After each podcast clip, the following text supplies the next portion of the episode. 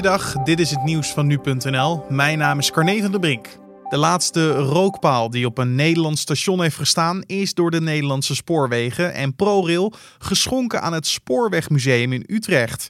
Daarmee zijn vanaf vandaag stations en perrons volledig rookvrij. Naast de paal die aan het Spoorwegmuseum is aangeboden, zijn in september ruim 300 rookpalen op zo'n 100 stations weggehaald. De weggehaalde rookpalen worden in de toekomst gebruikt als bijvoorbeeld oplaadpalen voor elektrische fietsen. Tussen maart en juni zijn er ruim 10.000 mensen overleden aan COVID-19. Dat meldt het Centraal Bureau voor de Statistiek.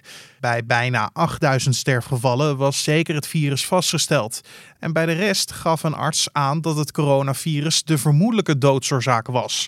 Het dodental gemeld door het RIVM in deze periode was veel lager, rond de 6.000. Meer dan de helft ontving al langdurige zorg en daarnaast was ruim de helft van alle overledenden een man. Een Apache-helikopter van Defensie heeft woensdagavond een voorzorgslanding gemaakt in de omgeving van de Gelderse gemeente Elburg. De reden voor deze landing is nog onduidelijk. Een technisch team is druk bezig de helikopter te onderzoeken. Later vandaag moet er meer informatie komen over het incident. De Nederlandse luchtmacht heeft op dit moment 28 Apache-toestellen in bezit. Deze zijn onder meer ingezet in Afghanistan, Irak en Mali. En de hele vloot wordt van 2020 tot 2025 gerenoveerd. De rechtsextremistische organisatie Proud Boys moet volgens president Donald Trump de wetshandhavers hun werk laten doen en niet het heft in eigen handen nemen.